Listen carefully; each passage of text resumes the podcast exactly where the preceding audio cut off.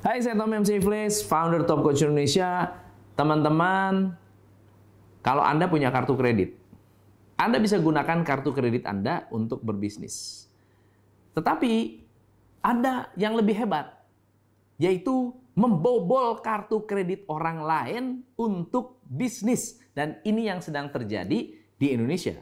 Ada beberapa artis yang terkena, ya tersangkut lah karena mereka melakukan endorsement.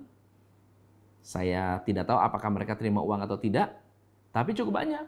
Dan endorsement ini mengakibatkan mereka menjadi tersangka atau menjadi saksi. Bisa jadi tersangka kalau mereka terima uang, karena uang yang didapat adalah dari pembobolan kartu kredit yang disebut carding.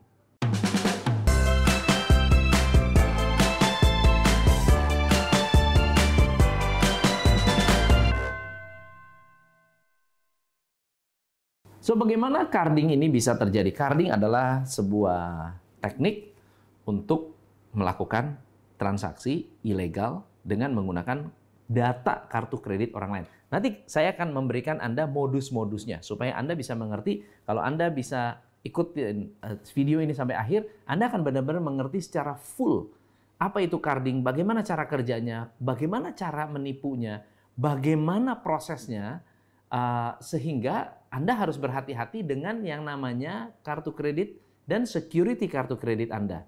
Karena tekniknya ada banyak sekali, bukan hanya satu dua teknik.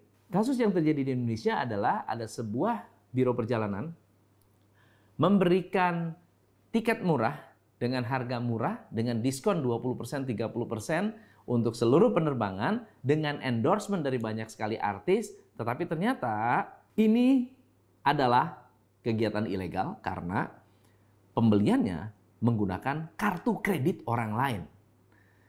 Dan ternyata ada sindikat kartu kredit. Anda bisa membeli data kartu kredit dengan uh, expiry date, nama di kartu, dan security card, security code di balik tiga angka di balik kartu. Ketika ini terjadi, kartu kredit Anda bisa dipakai untuk bertransaksi. So, apa itu carding? Carding adalah fenomena yang muncul setelah ada internet. Terutama ada e-commerce. Karena sebelumnya tidak pernah ada istilah uh, pembobolan kartu kredit.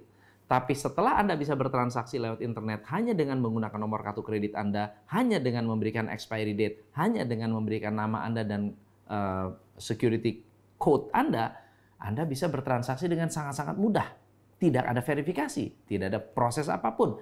Kecuali ada beberapa kartu kredit seperti Citibank yang menerapkan OTP atau one time password. So bagaimana carding ini bisa terjadi?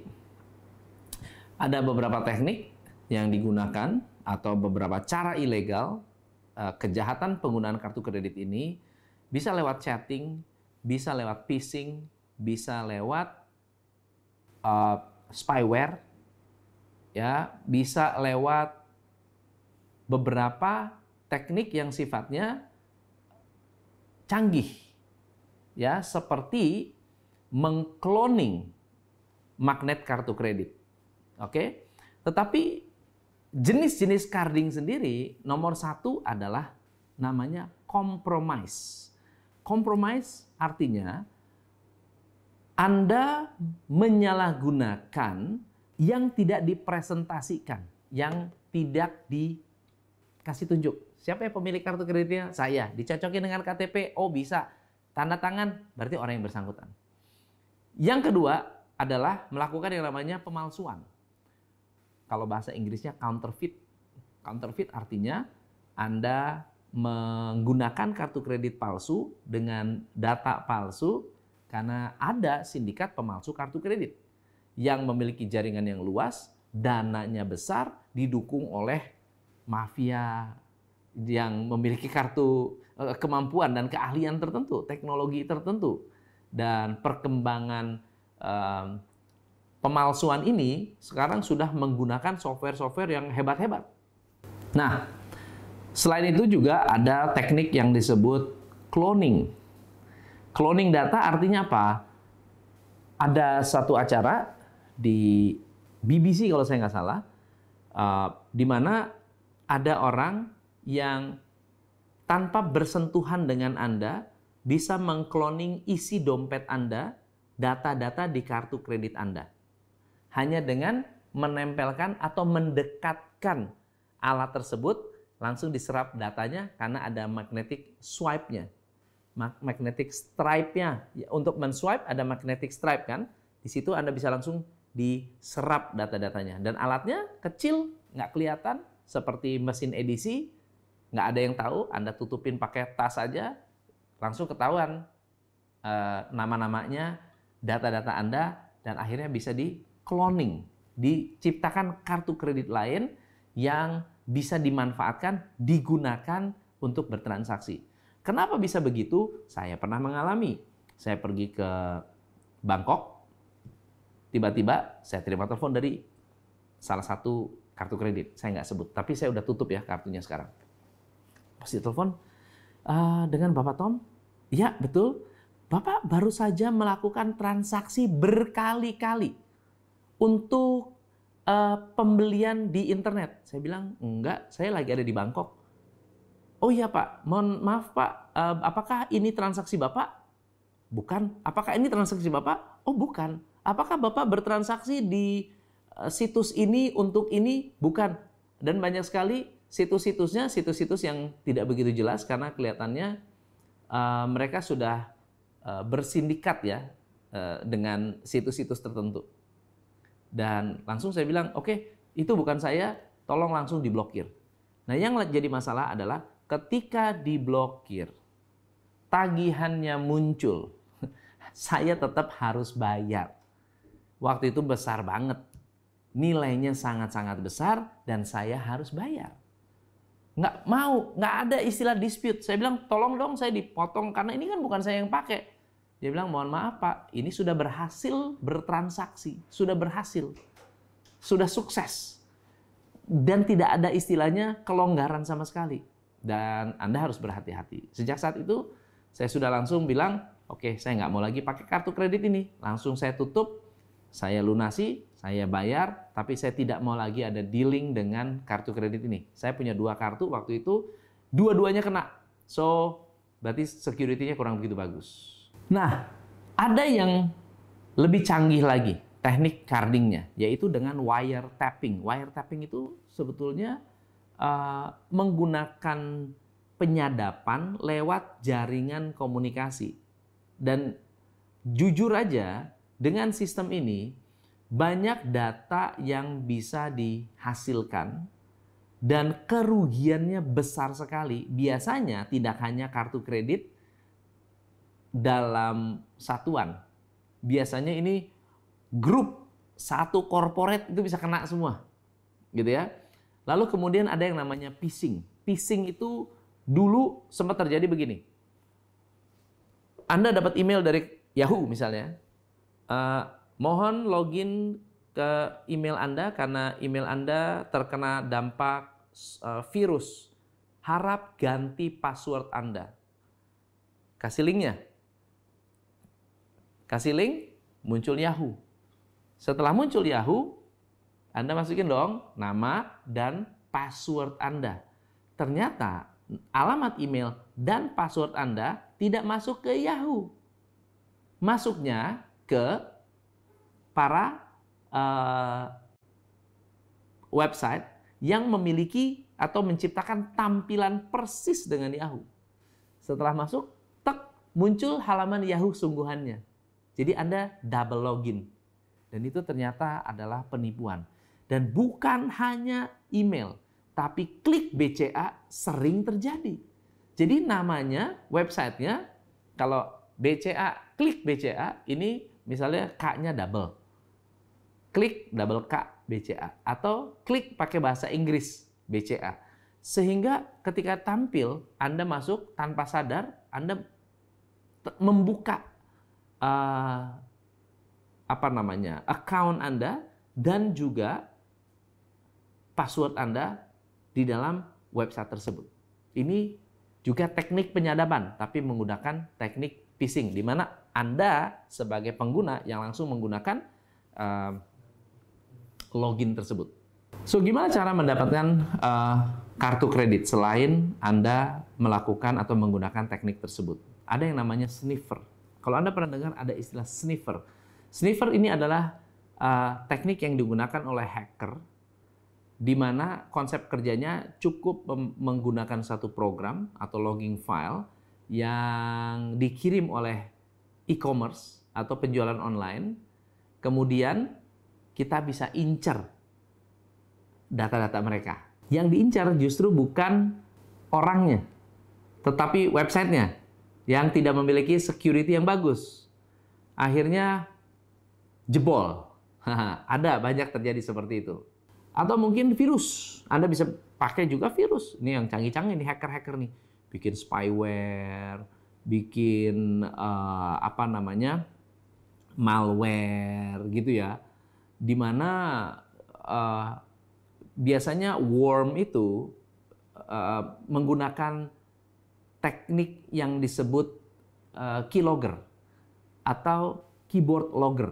Keyboard logger ini saya belajar dari uh, salah satu IT partner kita di mana mereka bisa merekam aktivitas keyboard ya dengan MIRC, chatting misalnya Yahoo Messenger, MSN gitu atau uh, menggunakan teknik-teknik tertentu sehingga Anda aktivitas komputer Anda itu masuk ke dalam satu file dan dikirim ke hacker. Dan hacker bisa mengetahui apa yang Anda ketik, Anda ngetik untuk apa, datanya apa, seperti apa, isinya apa, kerekam semua. Itu menggunakan virus. Tapi teman-teman, ada juga yang melakukan teknik penjebolan kartu kredit ini menggunakan kartu kredit asli. Ya. Jadi bekerja sama dengan penjaga toko, lalu kemudian penjaga toko ini melakukan uh, pengkopian kartu kredit asli, lalu kemudian ya inilah yang akhirnya disebut virgin card. Ya, kartu kreditnya masih ada atau bahkan oh sudah dikirim makanya kan belakangan uh, kalau anda terima kartu kredit tidak langsung bisa dipakai, anda harus telepon dulu, harus diverifikasi dulu. Kenapa? Karena kartu itu zaman dulu bisa langsung pakai, ya sekarang udah nggak bisa. Kenapa? Karena kasus ini terjadi, ya karena ada kerjasama uh, pada saat kirim kartu kredit, kartu kreditnya diambil atau dicuri, nggak nyampe ke yang punya, sudah langsung dipakai dan dimanfaatkan oleh orang lain, itu kita tidak tahu. Ada juga yang menggunakan ya trading, trading kartu kredit. Trading kartu kredit artinya apa? Ada sindikat yang menjual kartu kredit curian atau dompet-dompet curian. Ini juga uh, canggih karena yang digunakan adalah kartu kredit secara fisik asli. Tapi ya teman-teman, kalau teman-teman melihat atau menggunakan istilah carding, lalu Anda coba search carding. Ada banyak sekali company atau bukan company aja, ada ada banyak sekali blog yang memberikan Anda step by step cara menjebol kartu kredit. Bahkan cara menjebol Amazon, e-commerce e-commerce. Ada ilmunya, ada tekniknya, terbuka di internet. Coba Anda Anda bayangkan betapa rentannya security dan betapa luar biasanya informasi di internet. Bahkan Anda bisa melakukan eksperimen untuk melihat seperti apa orang bisa menjebol kartu kredit, bagaimana tekniknya.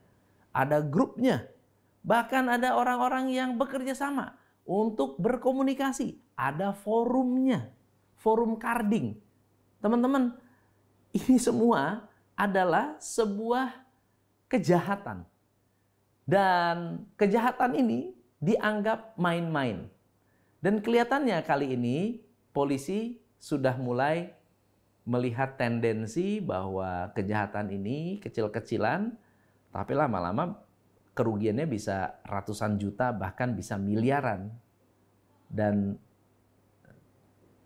meskipun Anda bisa mendapatkan keuntungan sesaat lewat carding, tetapi secara jangka panjang Anda pasti ketahuan. Tutorial carding Amazon, new method. Di YouTube pun ada tuh. Ya. Uh, kolam tuyul. Carding for beginner. Gila nggak? Jadi sebetulnya teknik-teknik ini bahkan di Amazon ada bukunya, bisa jualan, bisa beli. nah, eh, kira-kira ada nggak um, ada nggak company yang menjadi korban? Banyak. Terutama adalah e-commerce.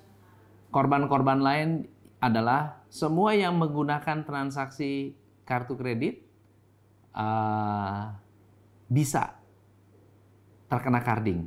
Atau bahkan Gojek pun bisa kena carding kalau mau. Dengan cara apa? Bukan hanya dengan kartu kredit, tapi juga dengan SIM card. Coba bayangkan, Anda kalau punya ribuan SIM card, lalu Anda transaksi antar antar SIM card, tetap aja dapat seolah-olah ada ada tuyul. Tuyul yang sedang bertransaksi, padahal itu tidak ada ada orangnya sama sekali. Dan ini semua bisa terjadi dan akan mudah dilacak karena teknologi sudah canggih teknologi sudah canggih. Ya, polisi tambah pinter. Hacker-hacker banyak yang ditangkap dan diajak untuk menjadi polisinya hacker. Nah, jadi tolong teman-teman, segala sesuatu yang ilegal, segala sesuatu yang melanggar hukum, segala sesuatu yang merugikan, hanya ada ya pendek umurnya suatu saat akan kena juga. Semoga Anda tidak pernah mengalami carding seperti saya dan bisa mendapatkan uh, keselamatan dalam penggunaan kartu kredit Anda. Jaga rahasia, jaga password agar Anda bisa tetap safe. Buat teman-teman yang saat ini terkena, semoga bisa mendapatkan kelonggaran dari perusahaan kartu kredit dan juga bisa mendapatkan solusi yang terbaik. Saya Tom M. Sifli. Salam pencerahan. Ngomong-ngomong itu yang depan. Saya uh, apa yang subscribe mm-hmm. taruh tengah aja. Tengah. Nah.